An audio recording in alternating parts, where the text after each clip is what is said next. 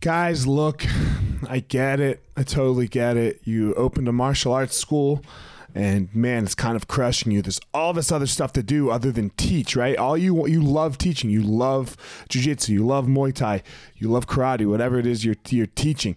And man, but there's all this other stuff. There's there's the front desk. There's there's taxes. There's curriculum. There's cleaning there's there's problems, staffing, covering. Whew, man, it's so much. It's so much. Well, let me tell you, uh, we have started what's called Easton Online, and Easton Online is here to solve all of these problems for you. Easton Online is a digital academy for martial arts school owners and managers. Will help you establish or enhance your business with best practices. Most importantly, we're going to help you get back to what it is that you love most teaching and doing martial arts. Okay, so for more information, guys, go to easton.online. Again, that's easton dot online add your email you're going to get notified about the course launches our first course is going to be all about the first impression specialists your front desk and all kinds of stuff, special offers, promotions, as well as we started a podcast by the same name, Easton Online, that's gonna talk about our process of how how we went from a tiny little martial arts school to what is now seven martial arts schools, seven Brazilian Jiu Jitsu Muay Thai schools, um, in a very holistic way that we believe um, kept the integrity of the art and also deals with its people very well. So again, easton.online, enter your email and you're going to get all you're going to get everything you need right there. So, thanks guys. Hey guys, don't forget to uh, check out my book uh, by the same name as the podcast, The Gospel of Fire. It is on Amazon.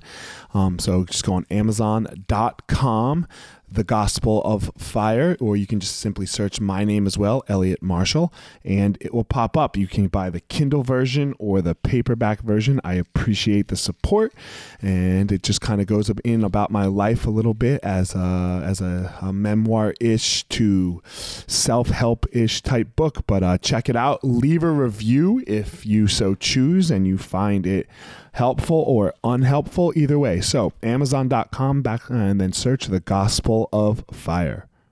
Guys, the podcast is also brought to you by Onnit, O N N I T, Human Optimization Company. Again, code word Elliot is the code word for your order on Onnit. You will receive 10% off. Again, O N N I T. All kinds of stuff for human optimization. They have supplements. Um, man, they have the total human. They have all kinds of stuff. Alpha Brain. I love me some Alpha Brain every once in a while when I know I got to sit down, get some work done. The brain just kicks in a little bit. I've uh, I've enjoyed using the Shroom Tech Sport. It gives that little extra boost when I'm when I'm getting ready to go do a workout. So again, O N N I T code word Elliot, and you will receive 10% off your order.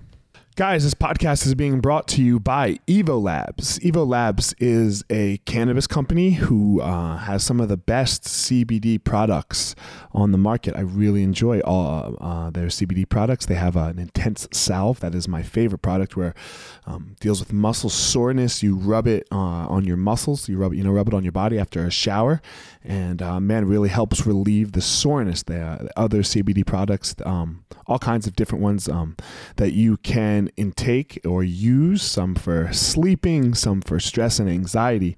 Anyway, evolabs.com. Go check them out. And you type in the code word fire and you will receive 10% off your order. evolabs.com. Ever have sore, beat up fingers after jujitsu? We all have, right? Ever wish there was a better way to ice them down than sticking your fingers in a cup of ice water? Well, now there is Penguin Fingers. Invented by a Jiu Jitsu black belt, Penguin Fingers remove the soreness from your fingers or your toes in just minutes, allowing you to train harder and longer with less damage to your digits. Chronic inflammation is like sand in your joints. Training day, day in and day out with sore, irritated fingers can leave them arthritic and knobby. Penguin Fingers can stop all of that before it ever starts. Penguin Fingers non toxic, reusable individual finger ice packs come in boxes of one, two, or four soft gel sleeves. Simply keep them in your freezer and roll them out onto sore fingers or toes as they are needed. Available on Amazon or at penguinfingers.com. Fingers are life tools. Protect them. Use code 10 the fire and you will receive 10% off at checkout. Again, 10 the fire for 10% off at checkout at penguinfingers.com.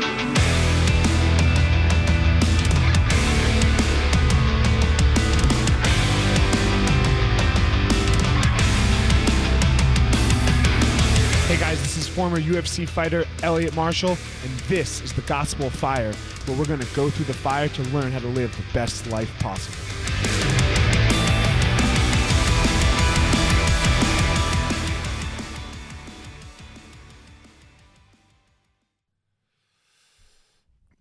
So, guys, this week on the podcast, I have my good friend, used to be foe, now good friend. I wouldn't even say we were foes. We just, um, for some reason, this, that, or the other, um, who has recently moved up to run, be the head instructor at the Boulder Academy, uh, the Boulder Easton Jiu Jitsu Academy. And man, I, I really enjoy the conversations we have. We have all kinds of crazy conversations over Voxer and, and whatnot. We talk a lot, and um, mostly we just like discuss ideas. And so, yeah, I was glad to have him on the podcast. Uh, former Bellator MMA fighter and uh, just my homie, Alex Huddleston. so, I am here another episode of Gospel of Fire, my second um, on camera in person. Oh no! nah, I'm joking, bro. Just the way I'm doing, just a different way that I'm doing it with my man, one of my favorite humans in the whole man. world, Alex Huddleston. What's up, man? How are Thank you? you so much, my friend. I appreciate that. Thanks for coming on. Whew, I'm I nervous know, about being I on, know bro. you are. I know. Why are you nervous about this? I don't know, man. I've never done a podcast at all. We're just gonna talk. I know. I'm ready. Have you ever listened to Joe Rogan? Of course. I listen to you, bro. Okay, I'm about Yeah. a quarter of as good as Joe Rogan, but we're gonna, you know, I just like to try to find conversation, Okay. you know, and then we just like kind of stick with it, and I don't know, we end up here, we end up there. Nice. I, I I've have I've got some practice, so Okay. we'll see how I do. yeah, right. Uh, so how's your day? Man, really good. Woke up, got my meditation down, took my dogs out, and then here, totally focused on you. No, it's- uh, I love you, Boo. I don't know where, where did Thanks, this Boo Boo thing call it? Yeah. I don't even know how we got here. No, it was a term of endearment for you, my Right, friend. and then I said it was Boo Boo. Yeah, I don't know. You took it to like Yogi Bear, Yeah, and it just stuck.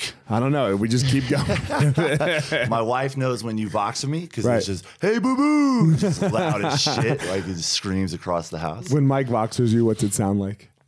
Uh, it depends on how he's feeling, Right, but it's always good. it's always good. Good. Uh, do you still box ring a lot? Uh, yeah, man. It's Mike's one of my favorite people to talk to. Mike's Okay. that dude who will sit down and have that like really deep conversation about even the most simple things. Mm-hmm. It really helps me understand like what's going on. Right? Yeah. And Mike's gotten really good at that. He really likes to, like, we went back and forth the other day where I said something, and sometimes I'm just like, blah. And he's like, oh, fuck, Elliot. He knows you. so he just like digs until we get to the point, and he was like, man, that was really good. Thank you. Yeah. But it took his work mm. of not just being like, all right, Elliot just said something kind of fucking stupid, but let's figure out what he what he wanted. Right, right. Like sifting through the messenger and the delivery. Yes. Looking at the like the actual meat and potatoes. of the message, trying to find what's right. the message. Right. So Mike is getting really good at this. Yeah, and he's man. doing a lot of work at it. But God, he's got. I'm sure he's got to just talk to a lot of fucking people. And us jujitsu weirdos, right? Like we oh, all Oh, are dang, fucking bro. weirdos. all, all of us, man. All of us. We're such weirdos. So you talked. You said meditation. Do you meditate every day? Yeah, yeah. I've been meditating for about four years now. So So you're you're a different Alex than what I first met, and I'm a and I'm a different Elliot than what you first met. yeah, of course. We're different every day. We're but I know different every day. Exactly what you mean. But you know exactly Yeah. what I mean, right? yeah. So tell me about the different Alex. Tell me about what the Alex was And why did you even bother to get out of that, Alex? What was wrong with that? yeah, Alex? man. I uh, so just like everyone else, I've kind of had my struggles with anxiety. Uh, started as a teenager, and we kind of worked through that. Uh, but it's not something I directly addressed, right? And as I got older, you start recognizing not even if you're able to address it, but you start recognizing how my idea of how things are going is starting to really impact how things are going, and it's starting to really, it started to really negatively affect me. Right, I could feel it. Say that again. Your idea of how things are going Right, are are impacting, starting to affect how things are actually going. Right, so, so my perception of what's going on, I start making decisions based off that. I start uh, reacting to how I feel, and now the conversation between you and I can be totally different to both of us. It always is, right? We're always in our own heads, but how I th- interpret us is affecting how I'm hearing you. So you may be something that wildly beneficial for me, but because I'm hearing it through maybe an insecure perspective, mm-hmm. it comes out as just so negative to me. And now I have this idea of someone that's hard on me or someone that makes me uncomfortable. And in reality, you were trying to love on me, right? And I noticed that this happened to me a lot in my life. Like uh, more and more when people would reach out to help, I was taking it in ways that weren't helpful at all. And a lot of it was I was just lost in my own head, man, like my own perceptions of what was going on. And that all came to like a screeching halt when I stopped fighting. I had a kind of man, I had a really big down. I got hurt in my last fight. It was my third concussion, and the symptoms took a little longer to go away. And I started getting talked to about, man, this may be permanent if this happens again. Like, this isn't something you want to keep pursuing, right? So I had to walk away, which for a long time, being a fighter was my identity. Like, that's who I was. so much of all of our identities, right? It's Yeah, so fucking yeah. hard because you put your whole, got it. You put your everything into it. Yes. Oh yeah. It's it's inherently selfish. Right. Shout out to my wife Beth Huddleston. Uh, she's a gangster for putting up with the fighter life. Man, there were so many times that I could have done so much better as a husband, as a person. But I was so focused on trying to make fighting a thing for me, trying to become a fighter, that I lost track of so many more important things in my life. Uh, and one of those was just learning, uh, kind of picking up that not being selfish thing again. I like, Why did you want to be a fighter? I'm going to cut you off. oh yeah, uh, I wanted to be a fighter because this is kind of funny. I didn't want to be a fighter, right? So I had never been in a fight ever my whole life. I was always a little big, so I mean, I, I guess that's kind of what played into it. I just no street fights, no school fights. Me and my little brother would fight a little bit, but like, I mean, it's not the same thing, right? Right. that's just every day. That's That's, that's, life. brother life. that's life. Yeah, yeah, that's normal. Um, and then I started personal training, and a guy who was training fighting out of his house back then in Missouri, outside of Sedalia, Missouri. Shout out Sedalia. uh, he Jose Vega. He came in and he was looking for a trainer, so I was working with him. And then one day he's like, "Man, you're just big for nothing, bro. Like, you should come come train with us. You should try fighting." And at that time, I didn't have any uh, like athletic outlets, so I thought, "Well, yeah, we'll just go do that." And Because you were always an athlete. yeah, I've been playing sports my whole life. That was another identity thing, right? Right, like, right. I'm an athlete. Right. This is who I am. This is what I'll do forever, Ever. which is what the plan was. Uh, got into fighting with them, and then it just kind of, within three months of training, I had my first fight. Oh fuck yeah! Yeah. and back then, uh, man, my first MMA practice was in Jose's living room. Oh, hell like We moved the coffee table out of the way, and he had a wrestling circle that would roll out. And I trained MMA in his house, man. My first one was in a garage. yes, Yeah. yeah. we did that too. Uh, it was it was fun, man. It was cool. Like just a bunch of cats trying really hard to do better, even though I wasn't totally able to verbalize that to myself. Right? Sometimes I struggle with this now. Look, I for sure struggle with that in the past. When somebody like you, who's just just this guy, like you just said, these cats trying to do better. Yeah. And I'm like, man, fuck you. You trained at it. You're like, what do you, you know? But you, you have to step back from that a little bit. Like that's all they've got, and that's all they Right. know. Oh, man. And they're coming to you or me or whoever it was for like help. Yeah. and sometimes that ego of ours just Right. hits them. You train in the garage, man. Fuck you. Well, and to be fair to my hometown, right? It was MMA was still super new to that area. There Mm-hmm. wasn't a lot of schools, and there were schools trying to like become a thing, but it, took a while for that to kind of take root. So the only way to do it was to do it on your own. Sure. Right. So uh, that was those are some of my f- most fun times in training, even if they weren't like super productive all the time. Oh yeah, I get it, man. it's all yeah. So you you have your first fight. Yeah, yeah. I fought in Sedalia, Missouri, in a in a bar with like a, I mean, it was a cage, Mm-hmm. but it, it was one of those cages that like it might have been held together by. It might fall down. right? some Like every time your big ass hits the wall, it's like, oh shit, is it going? Is this it? Man, that shit followed me forever, bro. Being a heavyweight sucks, man. I fought in Guatemala City once, and they had to pause the fight before my fight came up because my opponent and I were like pretty close to 550 pounds Between the two combined, Right. And they didn't think their cage could hold us. Right. So if you find this fight on YouTube. There's these giant support bars that they like bolted to the cage walls to to hold us up. Did up. it hurt if when you hit it? Oh my god, man! That oh. that cage was intense. Oh that cage was god, damn, bro. Yeah, man, it sucks being big, bro. Mm, it was good though. Yeah. So, so you meet your guy, right? And, and- or the you know, and you're training in, in his garage, Right, and, and- right. and that's going through it, and then like somehow you ended up out here though. Yeah, man. I uh, I was really lucky. Everyone I trained with, even though we didn't have the most resources, was so committed to the game. Right. Right. Like everybody wanted this so bad, and they poured their hearts into it. A lot of guys poured their lives into it. So I started training a little bit more in Kansas City. Back then, it was Grindhouse with James Krause. He's in the UFC yeah, now. yeah, right? I know James. uh, he was ru- he was kind of running. We were all training together out of a uh, Taekwondo school, right? And then Grindhouse became its own entity, right? Got its own school, and he's doing well now. They've they've changed that name. It's Glory MMA. Glory MMA. Yeah, crushing. it, Yeah, he's doing really well. They're crushing it. So I started training with those cats, and that was when I turned pro. I fought for Titan Fighting back in the day on like HD Net. Yeah, yeah, like. Before AXS TV, Right. right?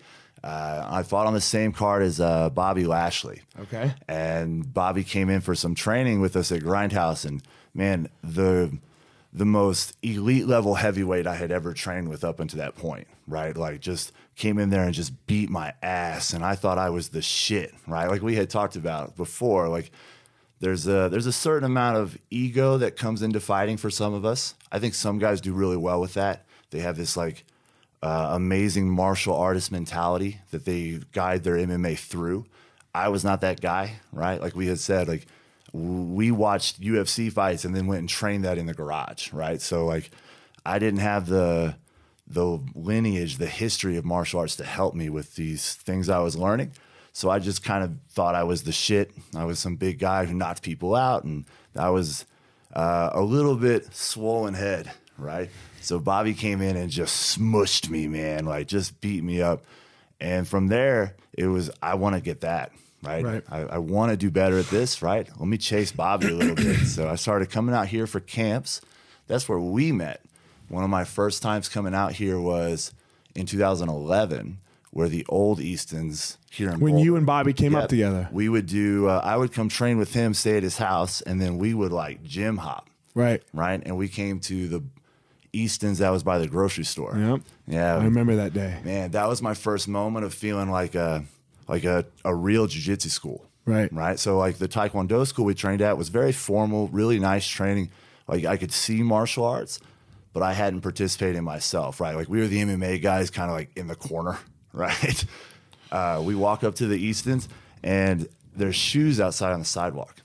And that was so cool to me, bro. As a kid from a dirt road in Missouri who had never been around like a traditional jujitsu school, when I saw that, I was like, this is it. Like, this is where I want to come. Like, I want to live where there's martial arts like this because this is a level that uh, I just hadn't experienced. It was super like inspiring. Like, yo, this is martial arts. Right. Right. It was very cool moment. What was that experience for you? Like that first time when you like the training? Because I, I remember it. I, it was it was the it was me, you, Shane, Yeah. Bobby, Brendan. man, yeah. Was it Uh, Cody Donovan too, or no Cody? I, I don't I don't remember think so. if It Cody was just the there. five of us, right? Um, it was uh, eye opening, right? Like some cognitive dissonance a little bit. Like I'm the shit.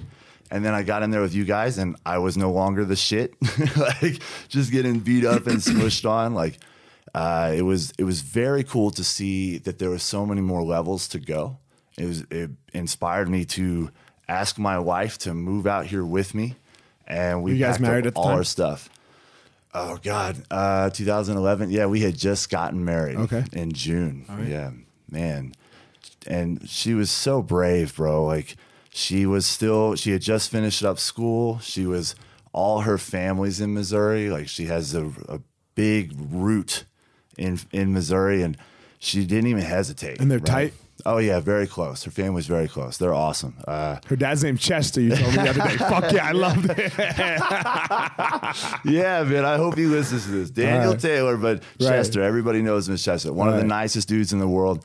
Uh, one of the really important factors in my own life. Kind of someone that helps me uh, work through things that I didn't necessarily understand growing up. Right. Right. So someone I really balance myself off of. Uh, I love Chester, man. He's the dude.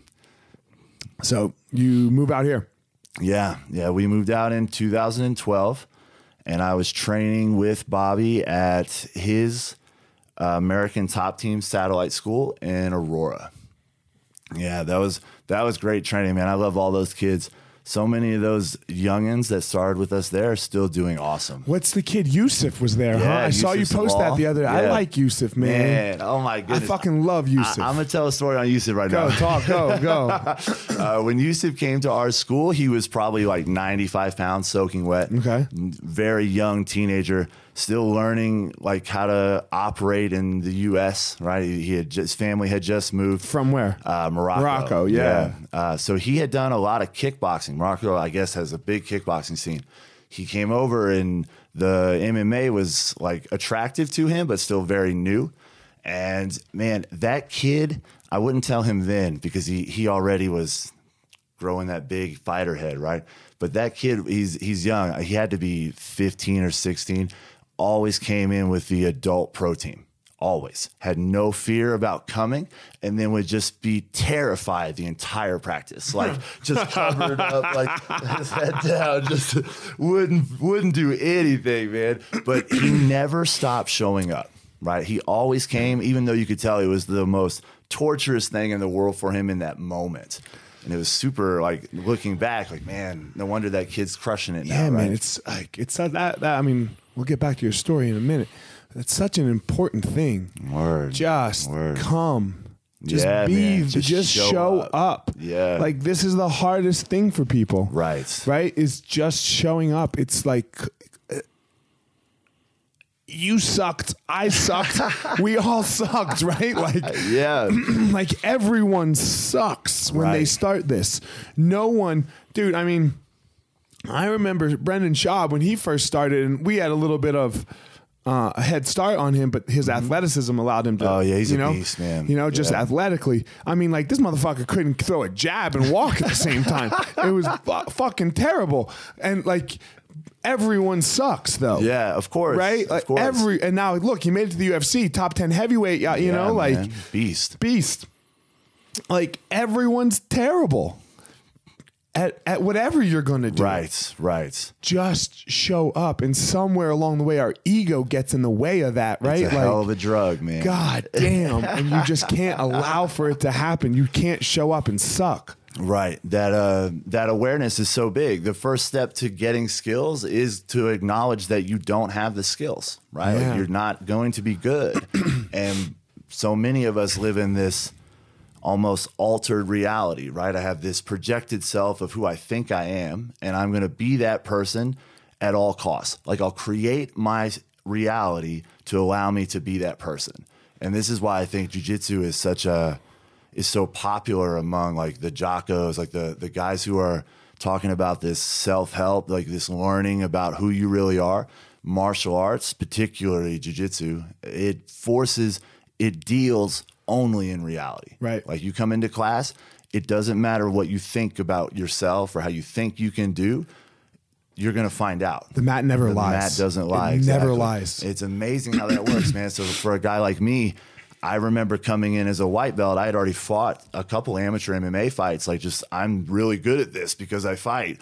Went in there and just got tooled up by four stripe white belts. Who's an accountant, right? Like, Right, right. Doesn't fight, doesn't do any of that. He's been training for two years and just beats me up on the mat. it breaks my idea of who I am, right? Like, there's that m- moment of piercing clarity to where I can see through my idea of who I am and actually see myself, right? And I think jujitsu does awesome at that. It's that's why I love it. Word. It, because you said it, it never motherfucking lies. right, like right. even today, I'll get on the mat today, yeah, man. and the truth is not what was yesterday. right. right, right. You know, like yesterday is not anything. Mm-hmm. And from like um, for me, I'm competing on Saturday Hell yeah. against the very best in the world, Ah, right? Right so against the very best in the that, world, bro. And me too. And sometimes you can get all wrapped up in like God, you know, like Bushesha, he's the man, he's Yep. in my division. Yep. What if I get? Look, the mat's going to tell the fucking truth that Yeah, day. yeah, man. You know, it's going to tell the truth that day, and it has nothing to do with anything other than that day. Yes. Yeah. You know, now hopefully you did the work to prepare of course. Uh physically, Yeah. Most importantly, most importantly, Right. mentally, Yeah. so that you can go paint a beautiful picture of what you're able to do. Right? You love Right. that, right? Yes, you love that's you one of my that. favorite ways to express jujitsu. You know, Fighting in general. fighting, right? Yeah. yeah. I, I hated when uh, what's her name? Suit no. God damn it, the actress, really famous actress, one of the best actresses of all time. Yeah, get your water, man. You can put it right here. You can do whatever you want. God motherfucking damn it. She's older. I can't think of her name. Oh man, I'm, you're gonna have to give me more than that. Did you watch uh, uh Strange uh Big Little Lies? I did not see God that. damn I'm it. sorry, bro.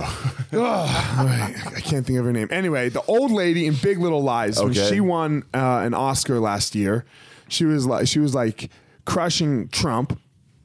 And she's like yada yada, and if, if it left up to them, the only art we're gonna have be left with is mixed martial arts. And she was like shitting on oh, us. Oh yeah, You know? understandable. Understandable, just Right. not understanding. Right, right. Right? In that Just moment, not you'd like for her to have a little more understanding in her perspectives, Yeah. right? Especially when she's talking about uh, we need to have someone who has more open perspective, Right. someone who's and then She just missed it. she showed her own, and it's just inconsistency Right. in our Yeah. Mm-hmm. own thinking, right? Lack of experience. Mike says it well: ignorance or malice. yeah, right? the razor, right? You know, is it ignorance or malice? So if it's malice, then you got to be like, well, fuck you a little bit sometimes. You know, That's one. that's way one way. I know, I know, you, I know. But when it's ignorance, but most of the time it's ignorance. So many times. So man. most of the time So it's ignorance. times, Yeah. So when it's ignorance, that's when you have to back up a little bit on Right. your on your own bullshit. yeah. Yeah. right? yeah. So, but yeah, for me too, um, martial arts, especially jujitsu, is a beautiful way to express one's life. Yeah, word. You know? and it's cool to me because it works on so many different places you are in your life, right? So for me, I needed to get broken down so I could lose my idea of who I was and be who I actually am. And you meet some people who it- it's the other way. I was I was brash and arrogant, and then you meet that quiet kid that comes into jujitsu, that person that's so afraid of being themselves, and jujitsu empowers You them. need to it needs to bring them up. Yeah, it it- does both. That's does why it's both. amazing. Yes, because yeah. it's not. it's not. It's not one person. It's not Mm. one anything. It's not one type. It's it, it's it's why it's rule number one for my kids. Ah, yeah. You know, it's it, it's. Um, I think we all like. I think being able to fight opens a lot of doors for you in self confidence wise. Mm-hmm. Yeah. like you you just you walk through life a little better, a little more confident, especially as a young kid, yeah. and especially as they get beat up Mm-hmm. in jujitsu class in a safe way, right? Like I fucked up yesterday. Oh, Like I could see it, man. Like you know, Simon moved up. To, he, I didn't. I didn't fuck up, but yeah, I fucked up. It's parenting. Okay. So Simon was in his class, and he's six, and he was tired of the little Tigers class. So I moved. He, he never wanted to go, but now I moved him up to the older kids class, Yeah. like the seven to nine year olds. Because he's a bigger kid. He's a bigger kid too, right? and he loves going, you know. And yesterday he was just getting beat up a little bit. Like people were just grabbing his legs, throwing him. He wasn't doing anything. Mm-hmm. So like after class, he comes to me. and We're talking. I was like, "How's class?" He's like, "Oh, blah blah blah." We're talking about it. And I was like, "Hey, bud, don't let people pass. Don't let people just grab your legs. Don't let them pass your guard." Yeah. And this look came on his face. He- And he started to cry a little bit, Uh-oh. you know, because he just got beat up, right? Like, Yeah. you know. I was like, "Oh, but no, no, no," you know. So I had like, I was like, "Come give daddy a hug." I had to hug him. I'd be like, "Look, it's okay. I'm not mad at you." Right. you know Right. but his soul was a little hurt Yeah. It- Right? man, it's tough. I couldn't imagine. I don't have kids, Right. right? Uh, but we, we see that a lot with our students at the schools. Uh, it's really important that I help them understand that when we talk about improving your skill sets, I'm never talking about improving you. Yeah. Right. Your inherent value is is set in Separate. stone, man. Like you come into the dojo, we put on the the kimono, and we're all exactly the same. I don't care if you're a black belt or it's your very first day at class, you will receive the same amount of respect as everyone in the room. And I think that it's really important for schools to set that tone because there are times where I'm going to have to talk to you about mistakes. I'm have to, I'm, it's critical conversations where Right. I'm going to be critical of your skill sets. But that has nothing, Nothing to, to do with you as a person. Yeah. Right. So as a, with a child, it's even more difficult, right? Yeah, It's so easy to identify. And I think that I love watching you parent from afar. Okay. uh, because I think you do a really good job of always making sure that they understand that they're not their mistakes. They don't, you, they never identify with the things that are going on in their lives. Like their value is set and everything else are things that they do. Right. And we can always become more skillful but the the value of the human being and that we we need to do a better job of always setting that tone for everyone. Yeah. Right. Love. Yeah, man. Yes. like there's nothing that will Meta. make my kids not love like they, they can't do anything nothing like Yeah. ab- absolutely nothing that will make me not love them right. i understand that there will be times when i might not like them Yes. well, I, I, don't, I don't mean to agree to that. no yeah there are i mean look they could murder somebody Ho- hopefully not right like Right. hope- hopefully not mm-hmm. i won't like them mm-hmm. i will love them like that that won't ever change for me you'll Right. never be able to say, tell say to me or get me to say or get me to even feel that I don't love those two little fucking bastards, you know. and I say like I, I call them that because they are like it's the hardest thing I ever have to do. Oh, uh, yeah. like that moment yesterday i just it crushed me that i did that. I was like god damn it he just got beat up. Mm-hmm. Right? And he didn't know what to do. So that's frustrating. Right. you know? Yeah. and now i'm like quadru i just quadrupled down. Mm. You know? So the On- timing. yeah. And, no and my presentation Oh, okay. right and my delivery of the message Mm-hmm. and then you know and then so we had to hug it out for a little while Right. i tied his shoes because his shoes weren't right and then we talked about his laces There we go. and then i was like able to help him with like hey buddy you know so like you have to always come back to that human piece that human connection Yeah. piece No disagreements, man. Just Yeah. misunderstandings. yeah you Right. know Mm, we can disagree sometimes depends on who we're talking about um I disagree with Foster a lot, bro. Oh man. I think that's awesome that you guys are able to disagree and still be such tight friends. I think people screw that up so much. Ah, that's Like, the most important thing we fucking have. Because One of the again, most, yeah. if that basis is love, then we can have like really difficult conversations. Just flat out, this is not how I want you to see this. And yet I'm still here. Right. I, I still love you. I call him a piece of shit all the time. Well, I don't know if love gives me the ability to start labeling cats. Right. but I, I, feel do. you. We all do. We have a we have a text thread where all of us go, dude, you're such a piece of shit. so uh anyway, let's get uh, back to back to your story a little bit. so you um but you thought you were a piece of shit a little bit, right? Like in Oh, man, your yeah. attitudes, right? Like right, right. and uh, probably around the same time I was a piece of shit. Like so, we we both like had our. So yours was four years ago. Mine was about three and a half years ago. We Okay. we both were like in in our piece of shit stages. Yeah, you know, as I, as I joke about them. You know, I obviously not right, but like in this ego driven Yeah. um don't let the world see who I really am. Yeah. Ah, see, and there's the delusion, bro. Yeah. Because I had this in, I had this thought in my head, and I, I think it's super important to be really clear. Like, like you just demonstrated, as a parent, you can do everything in your power to make sure you keep that standard of love.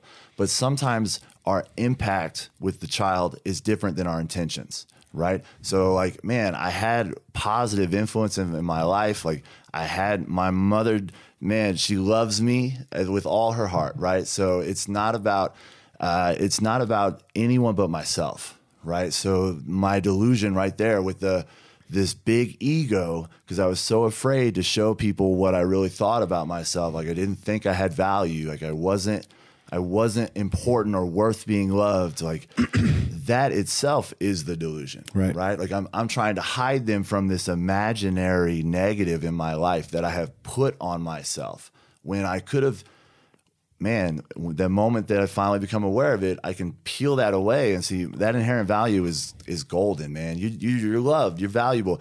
And if you show people your vulnerabilities, you're showing them the thing that you're working on, the thing you're becoming more skillful at, not who you actually are, right? Not your, you don't, you, the goal is not to identify with my vulnerabilities like as if they're mistakes.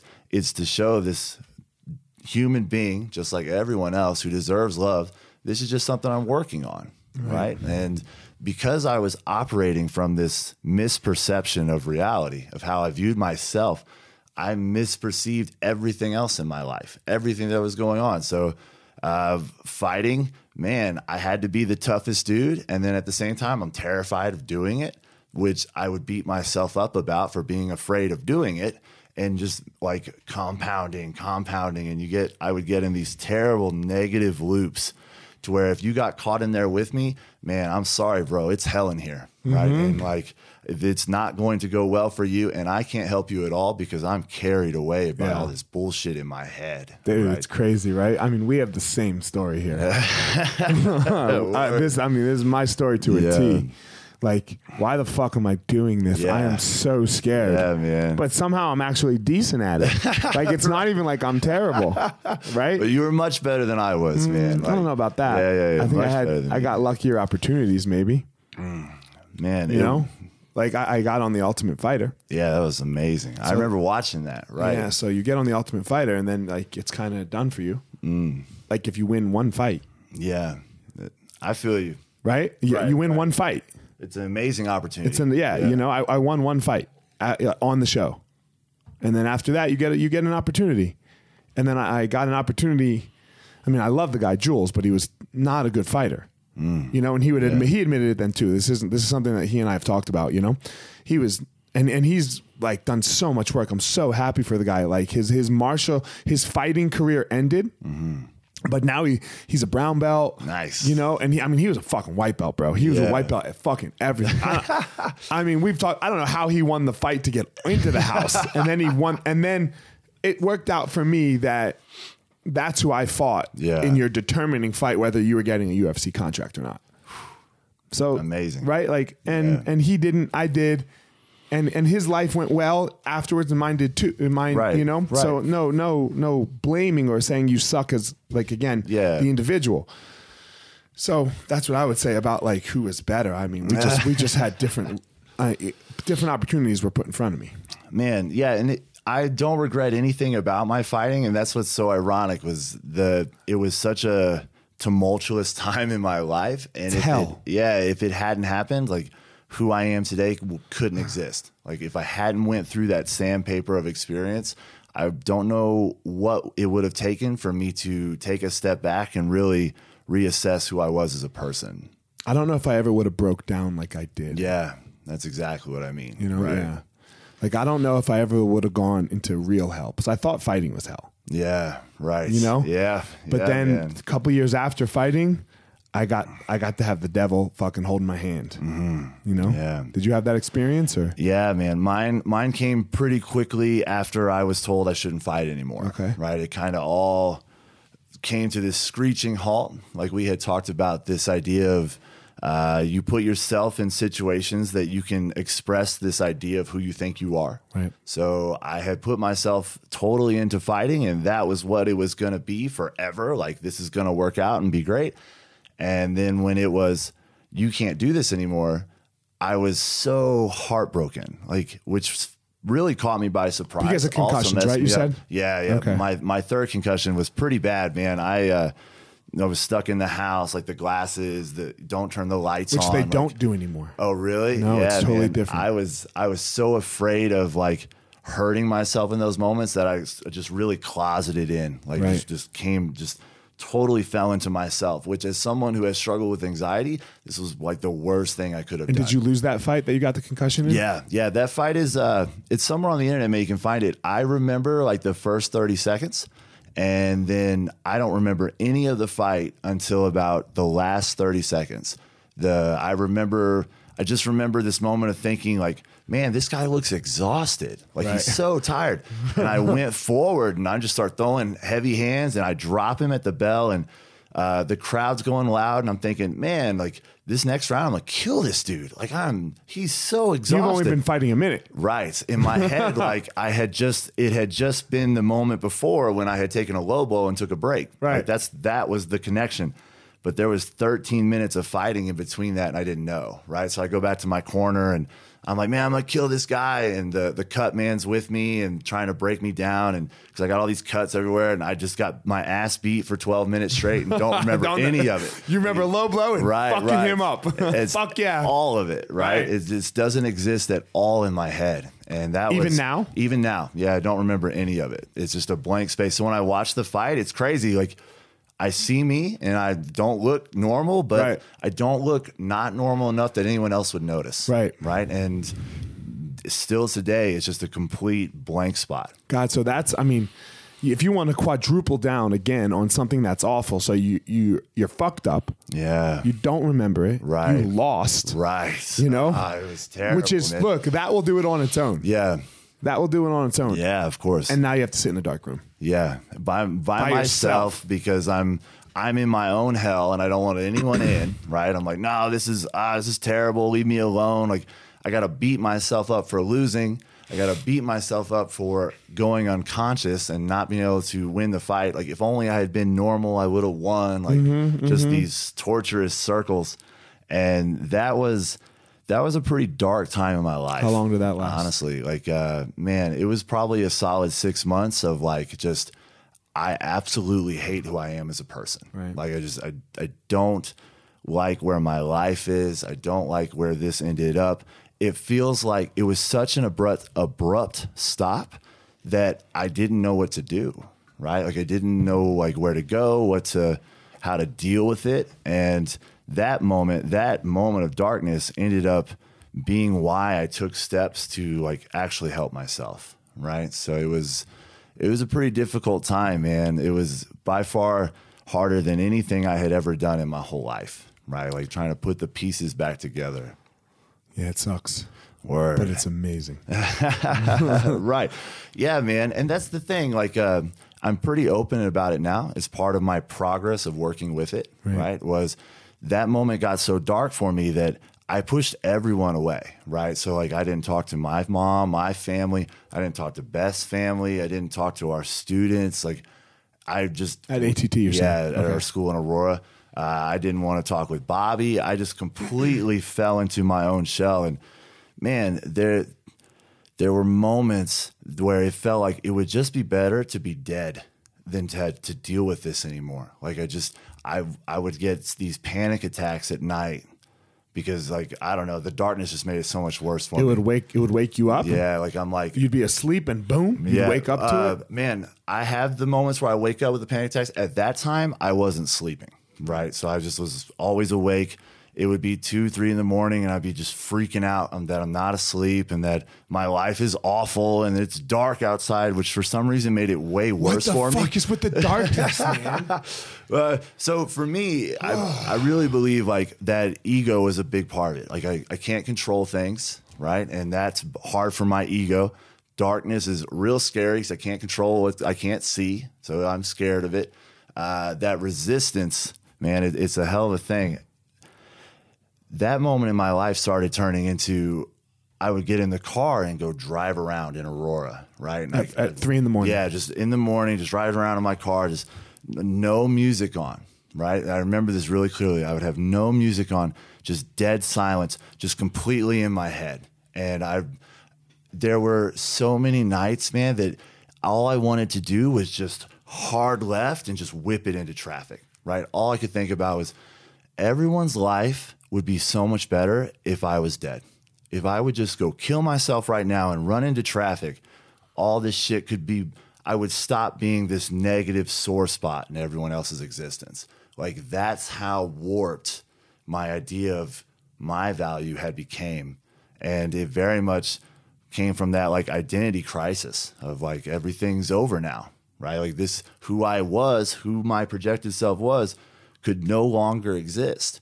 And I didn't know what else to do, right? And it was it was such a dark time and I talk about it now because it was something you had just said right there is man, don't give up, right? Like it, it, that that moment of darkness that I experienced was a, an amazing catalyst for the rest of my life. And if in that moment, if I had listened to my anxiety, if I had listened to my warped idea of who I was, uh, I don't know if I would have ever fixed it. I don't know if things got better. I think things would have went worse, right? So it's it's really important that in my eyes, you find something that helps you really reveal yourself to yourself.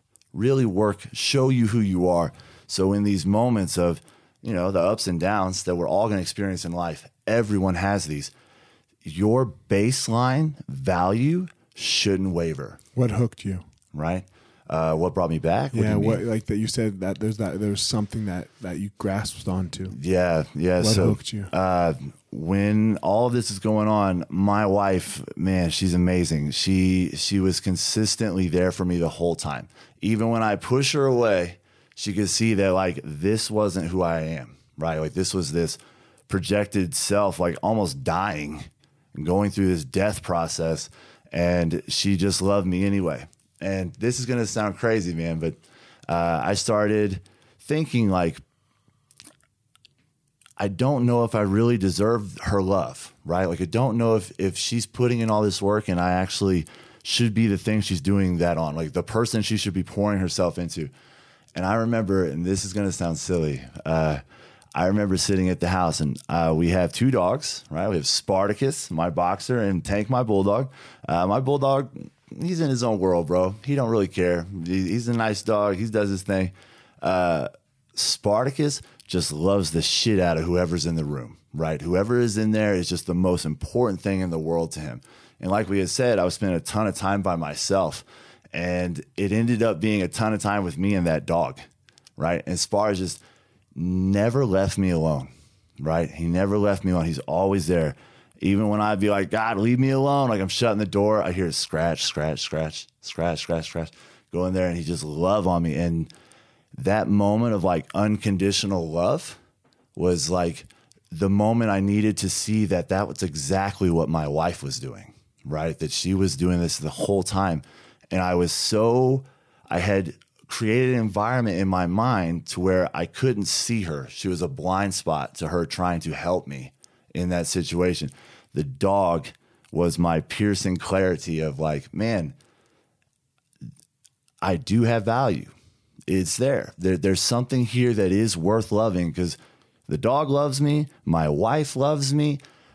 I wonder if anyone else loves me, right? And I started to really dig into.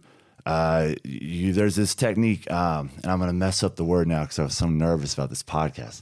Uh, it's an interview technique that you do with yourself, right? And you start talking to yourself about like how you actually see yourself, and then you write down like uh, what's the evidence for that, right? And it's amazing to see how you start to notice there's way more evidence for not seeing yourself the way you're seeing yourself, right? So if I really sat down and talked about how much I thought I deserved love, well, who loves me?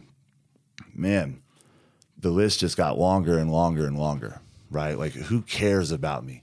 And who who would recognize or notice if I was gone?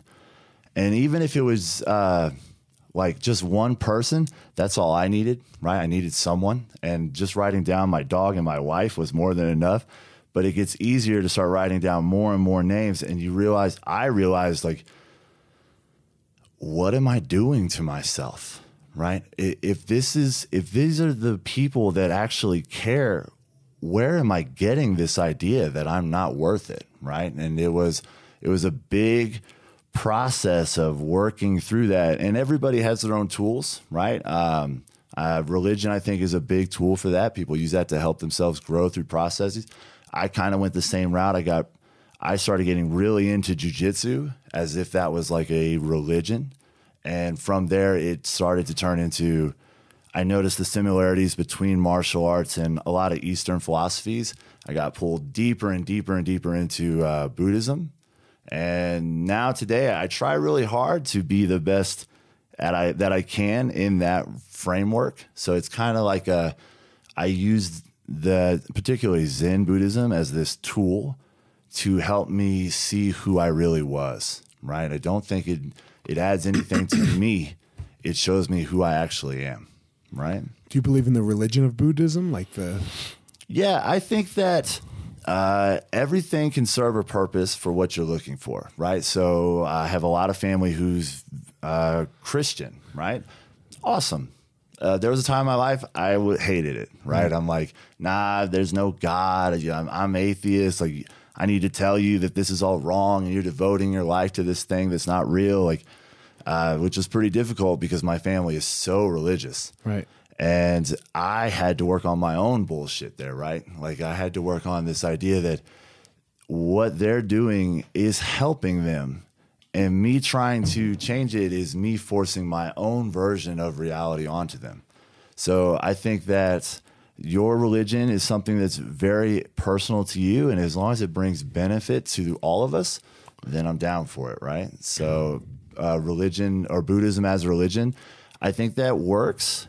Uh, you know, there are some versions of Buddhism where this is a little different, but for most of that, it's more of a philosophy, I guess. Like the the idea of a just different in a Western perspective. Like there's not a supreme being in terms of like a God who's guiding it. So you are a supreme being person, or you're not a supreme I, being? I am not. Not, no, okay. I am not. And uh, I, I just, for me personally, it doesn't. It's not necessary. Right. Right. I, I don't need anything outside of my own existence. Right. And I think that there are lots of tools that help you get there. And if religion's one that does that for you, then man, more power to you. It's better that than you still believing the lies you're telling yourself. Right. That that monkey mind anxiety letting you believe these delusions of your lack of worth and then you operating like that's real because Right. that's not any more real than anyone else's idea of their religion Right. For sure. No, without a doubt. It's interesting.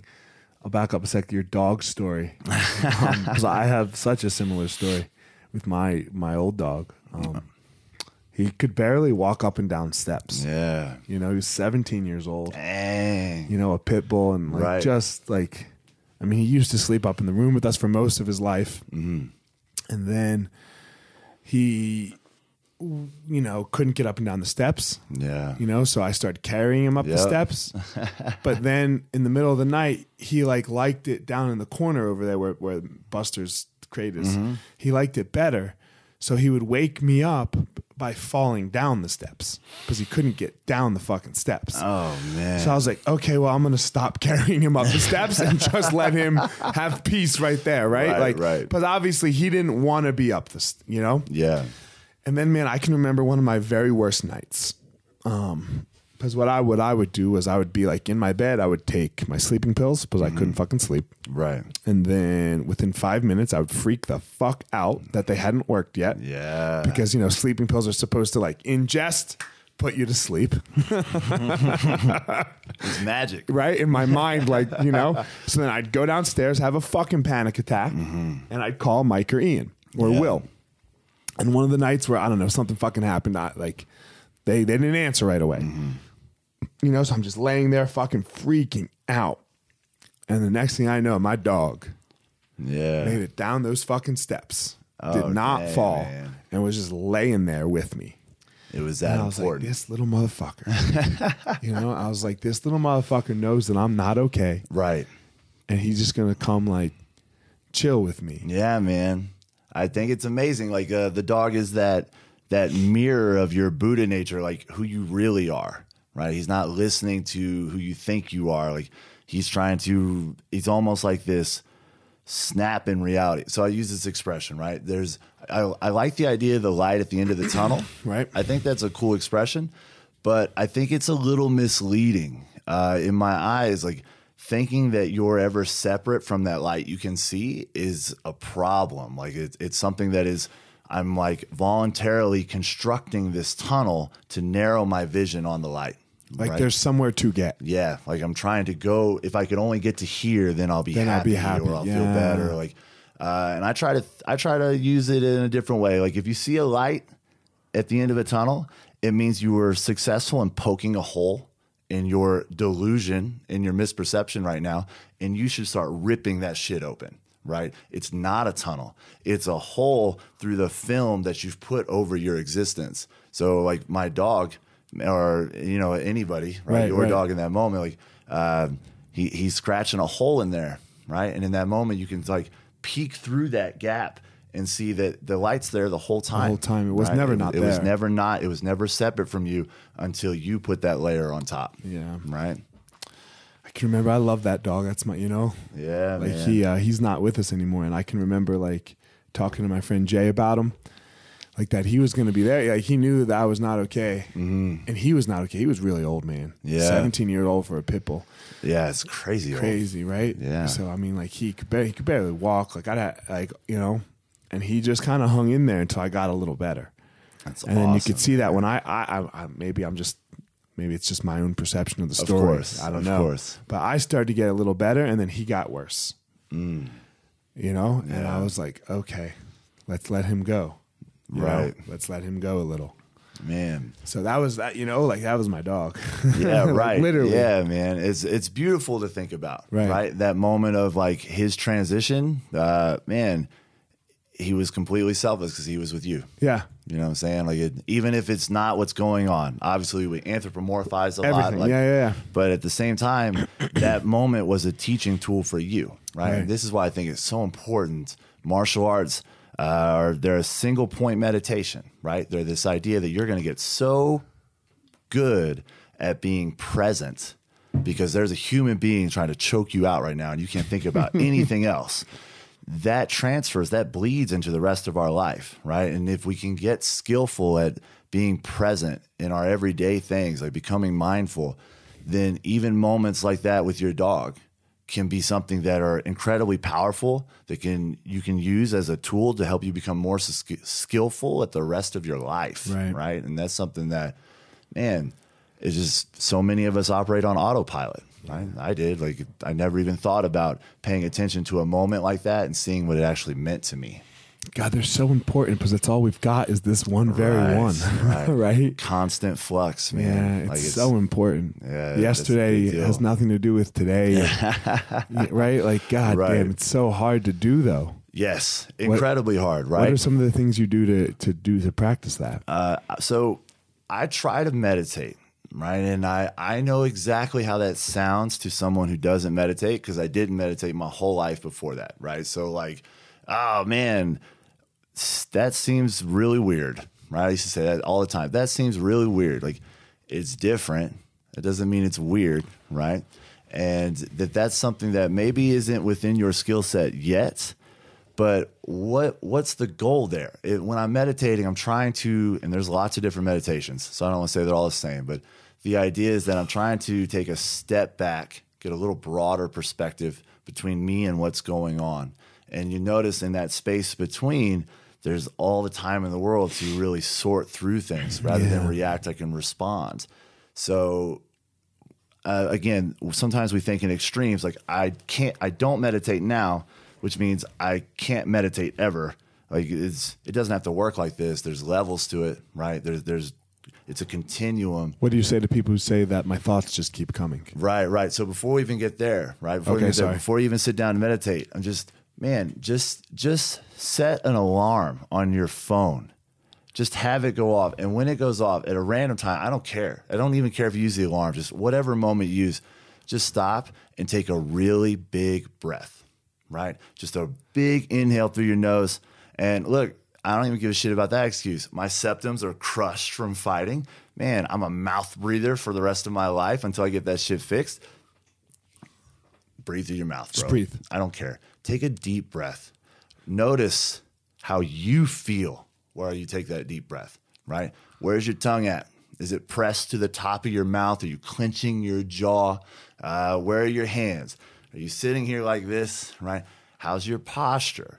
Uh, are you crumpled up? Are you holding it down because you're you're afraid? You feel soft and you got to ball up and stay tight and be strong. Open up that chest with a big breath and just exhale. Just just for a moment, think about that moment, right? And from that big inhale, I bet you feel different.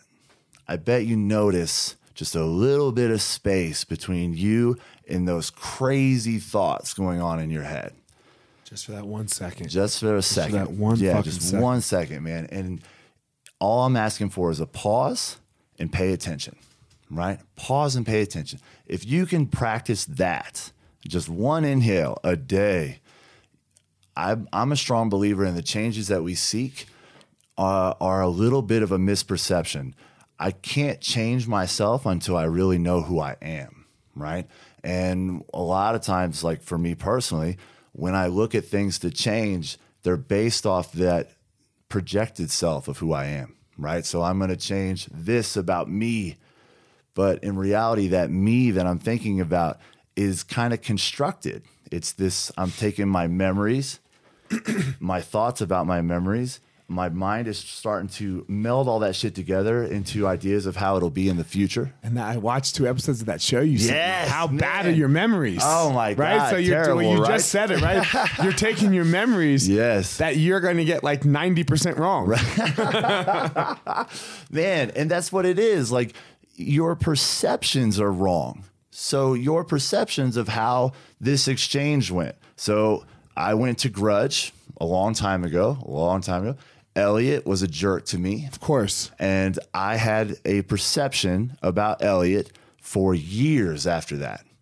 And my perception of you being a jerk to me in that moment was not completely informed. I remember it. You were yelling about something I was messing up.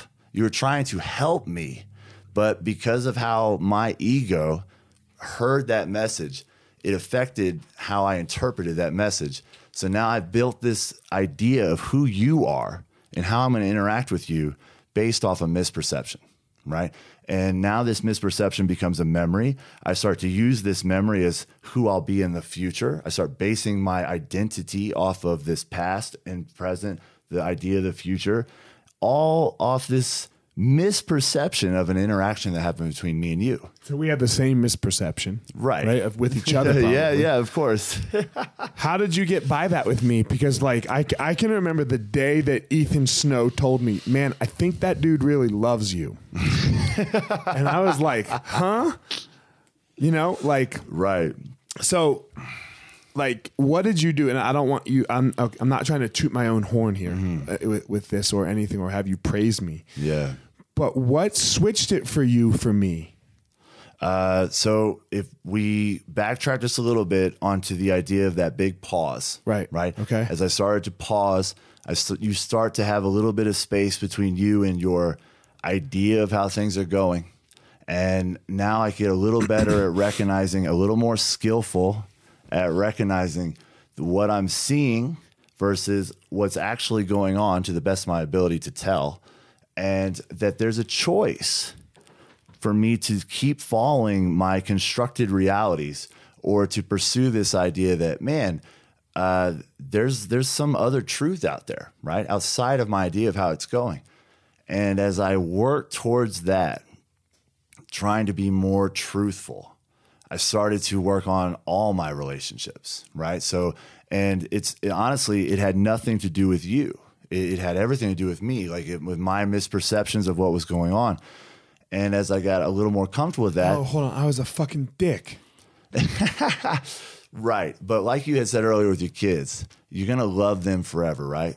My goal as a human being is to love you regardless, right? So I got better. Yeah, but more why, but my skillful. question is why, man? Like because some people don't des- like not not that they don't deserve it, but no one's my kids. Right. Right? like no one's my kids. I'm not going to yeah. love everyone for Yeah, it, like for no matter what. like that's not true. So There's very few There's a people. cool exercise Hold on one sec. too. Hold on. There's very few people in your li- in, in my life that I'm going to love regardless of what right. they do. Right. Like you, you, you could lose. People could lose my love for them. I, I totally understand. Right. Okay. Um, I think that we would want to be really careful with our operational definitions. Right. So this is just my opinion. Yeah, I know. I- It's I'm just trying to I'm forge just through yours. Uh, but the idea would be that I would want to really be very specific on this idea of love. Right. The, the, this idea of love, uh, it supersedes everything because I love the human being.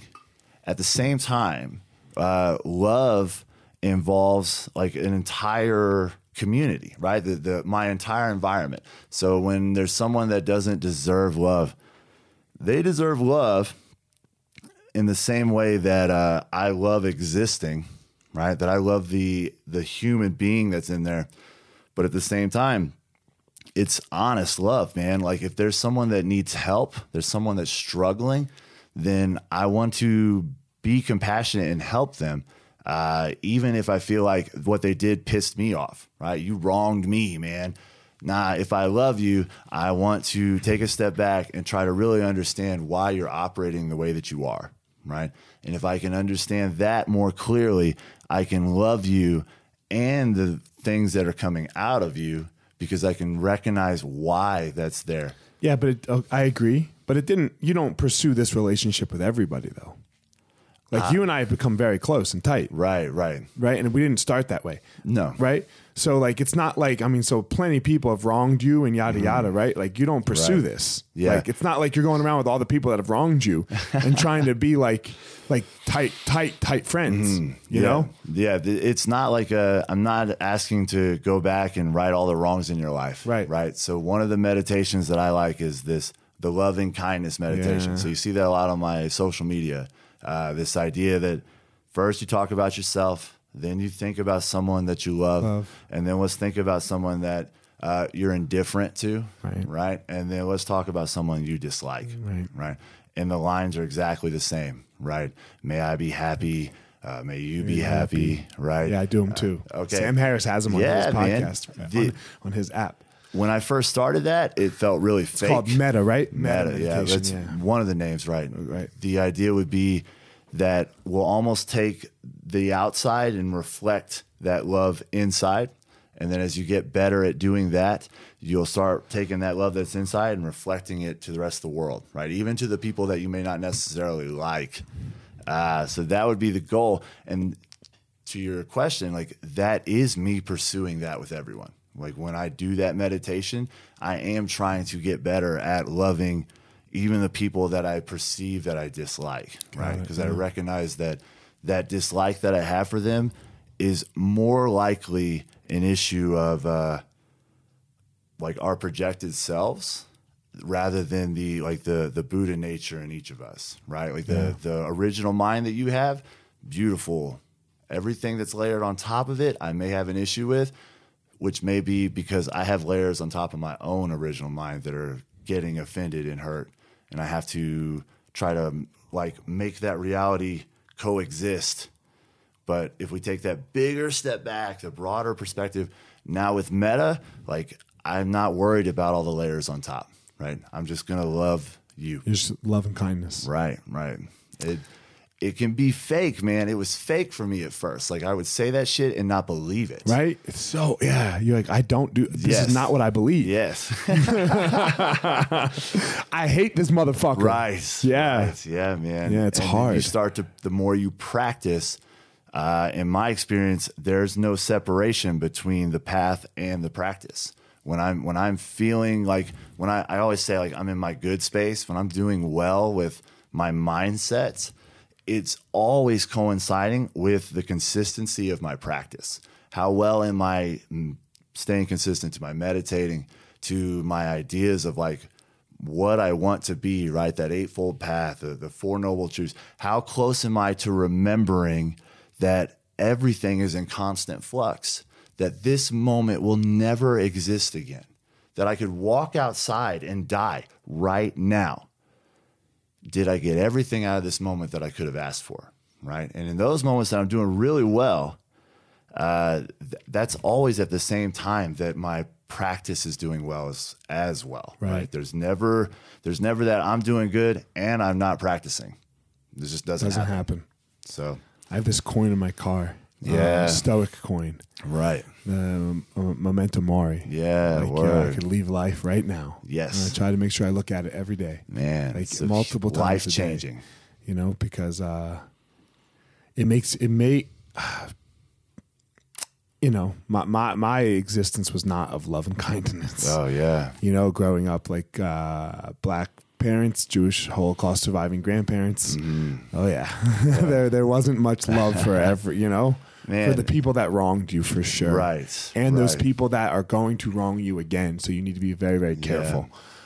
So uh, yeah, that's this is this is a tough one for me, man. But I I appreciate the that you bring it and are so forward with it, you know, and, and Yeah. like that's the message. So um, I, I, hope it's super important. I hope this wasn't too stressful for you. How was it? no, man, this was awesome. I was so nervous, but this was fantastic. It's it's very cool to be a part of a tool that is reaching so many people. And if there's anyone that I could help with my story, then that's the goal, right? And so just the opportunity to be here is amazing. I really appreciate it. And that that would be if we're if this is parting thoughts, then that would be Yeah. it, right? This idea that it doesn't matter who you are. I promise you're worth it. And if you're willing to dig through these films you've put on top of your existence, that light is right there, man. It is it's waiting for you. Your happiest self is you right now. And we just got to recognize that we're holding the keys to those self-imposed prisons.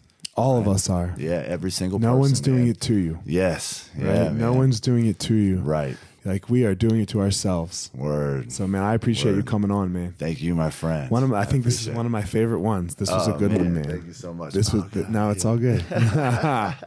it's a good one. All right, guys, uh, that is it. My homie Alex Huddleston, hit him up on social media, the Shaved Gorilla, right. and uh, that's it, guys. As always, go out and find your power. All right, guys, thanks for listening to this episode of The Gospel of Fire. Don't forget to check me out on all of my social media at Fire Marshal 205. Again, at Fire Marshal 205. Go to my YouTube channel. Um, Fire Marshal 01, that is, for YouTube, where you can follow. I'm, I'm making these videos 100K strong. That's the goal for the year. I want 100,000 strong listeners to the Gospel of Fire. So I'm making, trying to make a video a week so that you guys can follow along on my journey of, of how I go about my day, some things that I talk about, some things that I try to work on for myself. And then finally, don't forget my website, elliottmarshall.com, where you can get up to date with everything that has to do with me personally, the Gospel of Fire. You're going to find all about my book release, um, also called The Gospel of Fire, February 12th. Will be for sale on Amazon that whole week for 99 cents. So, all that information at elliottmarshall.com. Thanks again for listening. Thanks to my sponsors, Evo Labs and Onnit. So, uh, that's it, guys. Hope you enjoyed the episode.